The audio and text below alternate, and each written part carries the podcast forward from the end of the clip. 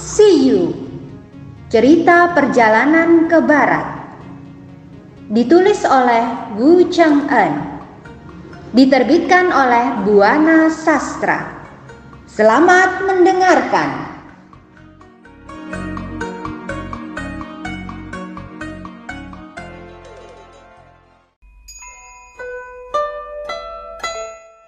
Dengan cepat, Wukong melompat ke angkasa. Kemudian ia terbang ke selatan, lalu ia turun ke gunung. Ternyata kedatangan Bukong disambut oleh empat dewa. Selamat datang, apakah Anda mencari Dewi? Tanya dewa. Benar, aku ingin bertemu dengan Dewi Kuan Yin. Jawab Bukong. Salah satu dewa segera masuk untuk melapor kepada Dewi Kuan Yin. Tak berapa lama, dewa itu kembali menemui Sun Wukong. Kemudian ia mempersilahkan Sun Wukong masuk untuk menemui Dewi Kuan Yin. Setibanya di hadapan Dewi Kuan Yin, Wukong berlutut untuk memberi hormat. Bukannya mengantarkan Tong San Chong kok malah datang ke sini. Memang ada urusan apa? Tanya Dewi Kuan Yin. Kedatangan hamba kemari untuk meminta pertolongan Anda. Jawab Wukong. Kemudian Sun Wukong menceritakan kisah perjalanannya sampai mereka terhadang oleh Hong Hai Er di jurang pinus kering. Padahal kau tahu kalau Hong Hai Er menggunakan api samadi. Kenapa kau undang Raja Naga Laut? Bukannya datang padaku? Tanya Dewi Guan Yin. Maaf, hal itu baru hamba ketahui ketika hendak menolong Baji. Kurang ajar sekali Hong Hai Er ini. Ia berani menyamar menjadi Anda. Kata Wukong mengadu. Sungguh berani siluman itu, kata Dewi Guan Yin. Tampaknya Dewi Kuan Yin amat marah. Ia melemparkan vas mutiara miliknya ke laut. Melihat hal itu, Sun Wukong terkejut. Wah, ternyata Dewi Kuan Yin pun bisa marah seperti aku, pikir Sun Wukong. Ah, ini salahku karena bicara terlalu terbuka. Sayang sekali vas itu dibuang ke laut. Padahal kalau diberikan padaku, alangkah senangnya aku. Tiba-tiba, dari dalam laut muncul seekor kura-kura. Di punggung kura-kura itu terdapat vas milik Dewi Guan Yin. Kemudian, di hadapan Dewi Guan Yin, kura-kura itu mengangguk sampai 24 kali. Menyaksikan kelakuan kura-kura itu, Sun Wukong tertawa. Oh, sepertinya kura-kura ini penunggu vas, kata Wukong. Apa kau bilang, Wukong? Tegur Dewi Guan Yin. Tidak, aku tidak bicara apa-apa, jawab Wukong. Coba kau ambil vas itu. Perintah Dewi Kuan Yin. Sun Wukong menurut. Namun, ketika tangannya menjangkau vas itu, ia terkejut karena benda itu tak dapat ia ambil. Jangankan diambil begitu saja, sekalipun Wukong sudah mengerahkan tenaganya, ia masih tak mampu mengambil vas yang hinggap di tempurung kura-kura itu. Maaf, hamba tak sanggup, kata Wukong. Dasar kunyuk, mulutmu saja yang besar. Mengangkat vas saja kau tak sanggup, apalagi menaklukkan siluman itu, kata Dewi Kuan Yin. Mungkin karena tubuhku ini makin lemah, ucap Wukong. Bukan begitu, semula vas itu memang kosong, tetapi sekarang sudah terisi air laut. Ya mana mungkin kau sanggup mengangkatnya, kata Dewi Guan Yin sambil tersenyum. Maafkan atas kebodohan hamba, kata Wukong. Lalu Dewi Guan Yin menghampiri kura-kura itu dan dengan tangan kanannya ia mengangkat vas itu yang sekarang tampaknya ringan sekali. Kemudian vas itu ia pindahkan ke tangan kirinya. Setelah kura-kura itu memberi hormat kepada Dewi Guan Yin, ia segera kembali ke laut. Dewi Guan Yin kembali duduk, lalu berkata kepada Sun Wukong, Wukong, air di dalam vas ini bukan air laut biasa, melainkan air yang diambil dari berbagai sumber dia berasal dari laut dan sungai. Apabila kau kembali menghadapi Hong Hai Er dan dia mengeluarkan apinya, maka api itu dapat kau padamkan dengan air ini. Tadinya, kupikir vas ini akan kuserahkan kepadamu. Tapi karena kau tak sanggup mengangkatnya, maka gadis naga yang akan kusuruh untuk membawanya. Tapi hatimu kurang bersih dan suka usil. Aku khawatir kau akan mengganggu gadis naga yang cantik itu. Aku juga takut kalau vas wasiat ini kau rebut dan dia dan kau bawa kabur. Ke mana harus kucari kau? Lagi pula, Aku juga tak punya waktu untuk mencarimu. Itu sebabnya, sebelum kau pergi, kau harus menyerahkan sebuah jaminan. Ah, Dewi terlalu curiga, kata Wukong. Sejak menjadi biksu, hamba benar-benar telah mengubah sifat lama hamba. Jika Anda menginginkan barang jaminan, lalu barang apa yang harus hamba serahkan? Jubah pemberian Anda atau pakaian kulit harimau yang tak ada harganya? Atau toya ini? Tapi toya ini berguna untuk menjaga diri. Jadi yang tersisa hanyalah kopiah di kepala hamba ini, Dewi. Tapi kopiah ini pun jadi satu dengan kepala atas kemauan Dewi. Lalu apa yang harus hamba jaminkan? Bagaimana kalau kopiah itu saja? Tawar Wukong sambil nyengir. Aku tak menginginkan jubah, topi, atau barang-barangmu lainnya. Sekarang, serahkan saja selembar bulu yang jadi nyawamu. Kata Dewi Guanyin. Ah, kalau Dewi menginginkan selembar buluku yang jadi jiwaku ini, lalu bagaimana hamba bisa hidup? Kata Wukong. Dasar kunyuk, masa hanya selembar bulu saja kau begitu kikir? Lalu bagaimana aku bisa mempercayaimu untuk membawa vas bersama gadis naga? Kata Dewi Guanyin dengan suara nyaring. Mendengar teguran Dewi Guanyin, Sun Wukong terperanjat. Maaf Dewi, jika Dewi tak percaya kepada hamba, itu tak apa. Tetapi hamba mohon, tolonglah guru hamba. Kata Wukong dengan lirih. Akhirnya Dewi Guanyin mengangguk. Baiklah, aku akan ikut pergi. Kata Dewi Guanyin. Mendengar kata sang Dewi, tentu saja Wukong menjadi sangat gembira. Ia segera menyembah dan menghaturkan terima kasihnya. Pergilah lebih dahulu, kata Dewi Guanyin. Silakan jalan duluan Dewi, kata Wukong. Hamba tak berani kurang ajar. Dewi Guanyin memerintahkan gadis naga memetik selembar bunga teratai, lalu meletakkannya di atas air. Kemudian menatap Wukong dan berkata, Wukong, naiklah ke atas bunga teratai itu. Aku akan mengantarkanmu. Dewi, daun bunga teratai itu tipis. Mana mungkin bisa menahan berat tubuh hamba? Bagaimana jika hamba tenggelam? Tanya Wukong penuh keraguan. Sudah, kau jangan banyak bicara. Cepat naik. Perintah Dewi Kuan Yin. Awalnya Wukong merasa agak ngeri, tetapi setelah didesak, akhirnya ia melompat ke atas bunga teratai yang sudah terapung di air. Wukong menatap takjub. Tiba-tiba, kelopak-kelopak bunga itu melebar bagaikan sebuah rakit. Dewi hebat, bunga teratai ini bisa kunaiki. Seru Wukong sambil tertawa. Jangan banyak bicara, kita harus cepat-cepat menyeberang, kata Dewi Guanyin. Tapi mana dayungnya? Tanya Wukong. Tak perlu ada dayung atau layar, kata Dewi Guanyin. Ia segera meniup daun bunga teratai itu. Seketika, daun bunga teratai itu mulai bergerak perlahan dan semakin lama semakin cepat. Tak lama, Sun Wukong sampai ke seberang. Dengan gembira, ia segera naik ke tepian.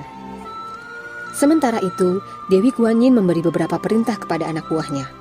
Lalu ia akan menyusul Wukong dengan mengajak gadis naga. Sebelumnya, ia memerintahkan Hui An untuk pergi menghadap Tuo Dali Dawang, ayahnya, untuk meminjam golok bintang kutub. Guru membutuhkan berapa banyak? Tanya Hui An. Lengkap satu perangkat, jawab Dewi Guanyin. Baik guru, Hui An pun terbang menuju pintu langit selatan. Tak lama, dia pun tiba di istana awan untuk menemui ayahnya. Anakku, ada perlu apa kau denganku? Tanya sang ayah. Ayah, aku kemari atas perintah guru. Saat ini guru sedang kedatangan Sun Wukong. Rupanya, rombongan yang dikawal Sun Wukong mengalami kesulitan. Karena itu, guru menyuruhku meminjam golok wasiat.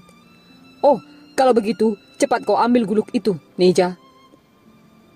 Neiza pun segera mengambilkan golok wasiat milik ayahnya. Kemudian ia serahkan kepada kakaknya, Muja. Setelah menerima golok itu, Muja pun pamit pada ayahnya. Muja kembali menghadap gurunya, lalu ia menyerahkan golok-golok dari ayahnya itu. Dewi Guanyin menerima golok-golok itu dengan cepat, lalu melemparkannya sambil membaca mantra. Tiba-tiba, golok-golok itu membentuk bunga teratai. Dewi Guanyin segera melompat ke atasnya. Melihat itu, Wukong tertawa. Dewi serakah sekali. Padahal di kolam teratainya ia punya panggung teratai. Kenapa dia meminjam panggung lain? Pikir Wukong. Wukong, jangan sembarangan. Sekarang kau ikuti aku. Tegur Dewi Guan Yin. Wukong terkejut. Ia tak menyangka pikirannya dapat terbaca oleh Dewi Guan Yin. Dewi Guan Yin dan Wukong segera terbang ke angkasa. Wukong melihat burung kakak tua putih di udara yang ternyata itu adalah Wian yang terbang menyusul si kerasakti itu. Sekarang mereka terbang berdampingan. Itulah Gunung Hao. Gua siluman itu jaraknya sekitar 200 km lagi dari sini, kata Wukong. Mari kita turun, kata Dewi Guan Yin. Begitu Dewi Guan Yin sampai di gunung tersebut, para dewa tanah segera menyambut kedatangannya dengan penuh hormat. Selamat datang Dewi, ada apa gerangan sampai Dewi Guan Yin berkunjung kemari? Tanya para dewa. Jangan terkejut, kedatanganku kemari untuk menangkap siluman Hong Hai Er, ucap Dewi Guan Yin. Karena itu, lekas kalian ungsikan semua makhluk hidup sejauh 150 km ke sekitar tempat ini. Semua binatang, termasuk kutu yang paling kecil pun harus kalian pindahkan ke atas gunung. Setelah para dewa tanah itu pergi dan melaksanakan tugasnya, Dewi Guanyin segera menuangkan isi vas. Tak lama, terdengar suara gemuruh dan air yang dituangkan dari vas. Kemudian, tiba-tiba, daerah pegunungan itu berubah menjadi lautan. Sun Wukong kaget bercampur kagum. Wah, air bah ini sungguh dahsyat. Hebat sekali Dewi Guanyin, pikir si Kerasakti. Jika aku yang menggunakan wasiat itu, sudah pasti aku lupa menyelamatkan berbagai makhluk di daerah ini, termasuk kutu-kutunya. Oh, sungguh mulia hati Dewi Kuan Yin. Wukong, ulurkan tanganmu. Perintah Dewi Kuan Yin. Sun Wukong segera mengulurkan tangan kirinya dengan telapak tangannya yang terbuka. Setelah itu, dengan batang willow, Dewi Guan Yin menulis sebuah huruf yang berbunyi Mi, yang artinya sesat. Kepalkan tanganmu. Perintah Dewi Guan Yin lagi. Sekarang, pergilah kau ke tempat Hong Hai Er, lalu tantang dia. Kemudian berpura-puralah kalah dan kabur ke tempatku. Dengan demikian, dia akan terpancing menangkapku dan aku akan menangkapnya. Wukong menurut, lalu dengan cepat ia terbang ke tempat Hong Hai Er. Sesampainya di depan gua, Sun Wukong segera menantangnya. Salah satu siluman yang melihat kedatangannya segera melapor kepada Hong Hai Er. Oh, anakku yang baik, masa kau biarkan ayahmu berdiri di luar? Kata Wukong mengejek. Salah satu anak buah siluman itu melaporkan sindiran Wukong. Biarkan saja, jangan kau hiraukan dia, ucap Hong Hai Er. Wukong yang tak dihiraukan menjadi marah. Ia mengeluarkan toyanya. Kemudian dihajarnya pintu gua sampai rusak. Salah satu siluman kabur untuk melapor pada Hong Hai Er. Mendengar pintu gua dirusak oleh Wukong, marahlah Hong Hai Er. Ia mengambil tombaknya, kemudian lari ke pintu gua untuk menghajar Sun Wukong. Hai kunyuk kurang ajar, sungguh kau tak tahu aturan. Teriak Hong Hai Er. Aku sudah membiarkanmu hidup, kau malah merusak pintu guaku. Kau mau mati? Jangan kurang ajar anakku. Kenapa kau biarkan ayahmu berdiri di luar gua? Apa kau tak tahu sopan santun? Kata Sun Wukong. Mendengar ejekan itu, Hong Hai Er langsung menyerang dengan tombaknya. Wukong terpaksa menangkis serangan lawan dengan tangan kanannya, sebab tangan kirinya tetap ia kepalkan. Setelah bertempur beberapa jurus, Wukong segera lari. Tetapi Hong Hai Er yang cerdik tak mengejarnya. Biarkan dia kabur. Dengan begitu, aku bisa segera menyantap Biksu Tong. Kata Hong Hai Er kepada anak buahnya. Sun Wukong terus mengejek dan menggodanya. Anak yang baik, kenapa tak kau kejar aku? Seru Wukong. Eh kunyuk, ayo lawan aku, teriak Hong Hai Er Hong Hai-er maju menyerang lawannya. Lagi-lagi, Sun Wukong menangkis serangan dan bertempur kembali. Namun, baru 10 jurus, Wukong sudah berpura-pura kalah. Lalu, ia kabur lagi. Heh kunyuk, kenapa kabur? Padahal dulu kau sanggup melawanku dengan puluhan jurus. Sekarang kau jadi pengecut. Baru beberapa jurus saja kau sudah kabur. Kata Hong Hai-er. Aku takut serangan apimu. Kata Wukong. Lawan aku, Aku tidak akan menggunakan api lagi. Seru Hong Hai Er. Jika benar kau tidak akan menggunakan api, ayo kita bertempur di tempat lain. Kalau kau memang seorang jagoan, seharusnya kau jangan bertempur di depan guamu saja. Tantang Wukong. Hong Hai Er yang tidak menduga kalau dia sedang dipancing tanpa ragu-ragu mengejar Sun Wukong. Melihat Hai Er mengejar, Sun Wukong terus berlari. Di tengah jalan, ia membuka tangan kirinya yang bertuliskan sesat. Hong Hai-er segera mengejar lawannya itu tanpa menghiraukan keselamatan dirinya sendiri. Kejar mengejar terus terjadi, hingga akhirnya Wukong dan Hai-er sampai di tempat Dewi Kuan Yin. Hai, Hong Hai-er, ampuni aku, kata Sun Wukong berpura-pura ketakutan. Lihat, kau kejar aku sampai di hadapan Dewi Kuan Yin. Tidak maukah kau mengampuniku? Tanya Wukong. Hong Hai-er tak mengacuhkan teguran Wukong. Ia tetap mengejar lawannya yang seolah sudah sangat ketakutan itu. Sampai di hadapan Dewi Guan Yin, dengan cepat Wukong berlindung di belakang. Hong Hai-er yang kehilangan lawannya jadi bingung. Ia mencari ke mana pun. Begitu berhadapan dengan Dewi Guan Yin, Hong Hai-er terperanjat. Hei, siapa kau? Apa kau mau membantu si kunyuk jahat ini? Tanya Hong Hai-er. Dewi Guan Yin tidak menjawab pertanyaan Hai-er. Ia hanya diam menatap Hai-er. Karena tak memperoleh jawaban, Hong Hai-er jadi marah bukan main. Tiba-tiba, ia menyerang jantung sang Dewi. Dewi Guan Yin berhasil menghindar. Ia melompat ke angkasa bagikan kilat yang bercahaya keemasan. Wukong dan Mucha ikut mengejar Dewi Guan Yin. Dewi, kenapa kau kabur?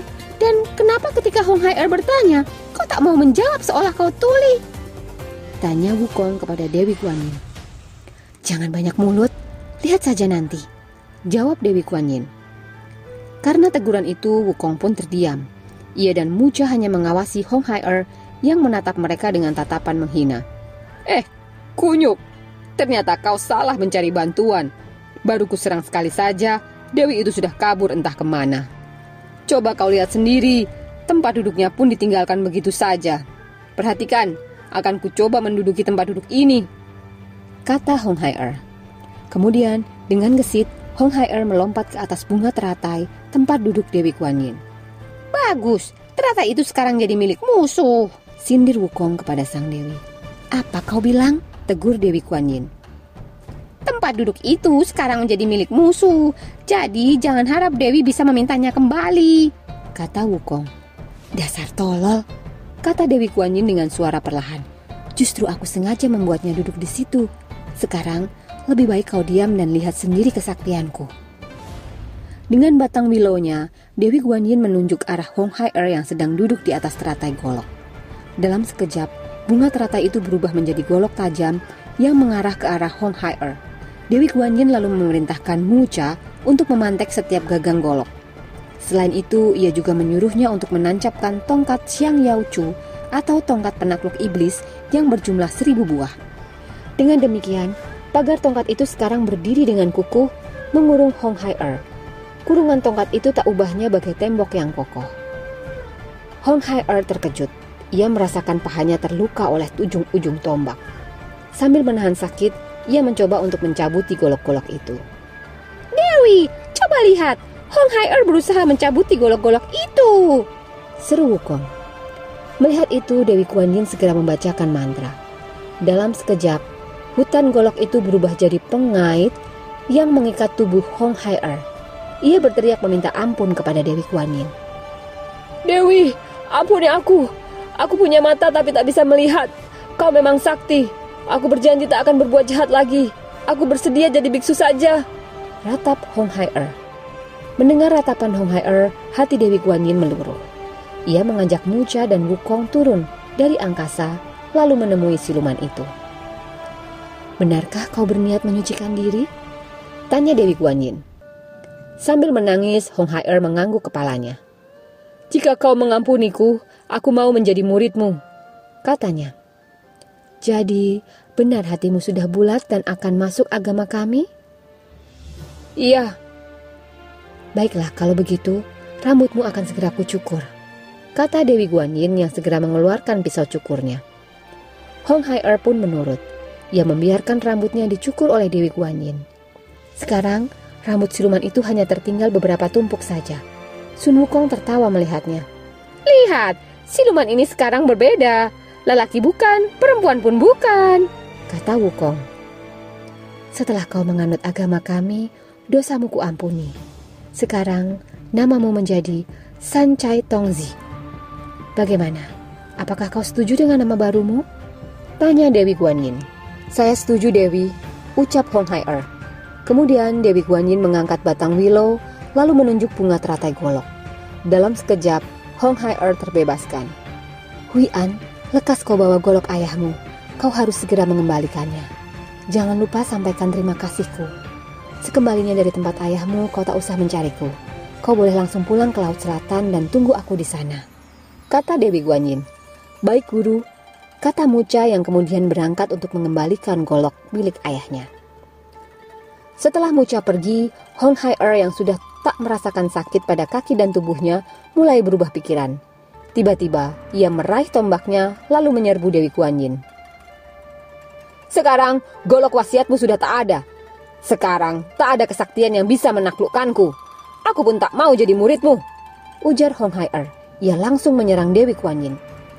Wukong terkejut. Ia tak mengira siluman itu akan berubah pikiran. Melihat Dewi Kuan Yin diserang, Wukong segera bersiaga. Ia maju untuk menghajar siluman itu. Tahan, kata Dewi Kuan Yin. Biar aku yang akan menghukum dia. Dengan cepat, Dewi Kuan Yin mengeluarkan gelang dari lengan bajunya. Ini gelang wasiat pemberian Buddha. Wasiat ini bisa digunakan untuk menaklukkan siluman jahat kata Dewi Guanyin. Kemudian, gelang itu dilontarkan ke udara. Tiba-tiba, gelang itu menjadi lima buah banyaknya yang kemudian terbang menyerang Hong Hai Er. Kena! Seru Dewi Guanyin. Ajaib, satu gelang itu kini telah mengalungi leher Hong Hai Er.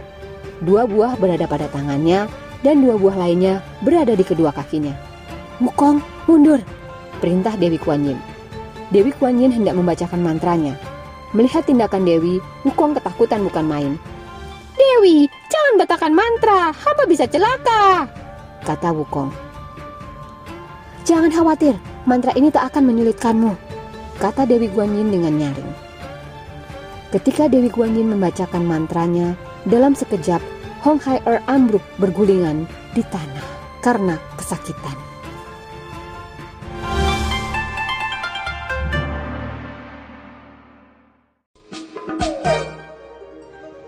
Dengarkan kisah selanjutnya dengan teman membaca yang lain. Terima kasih.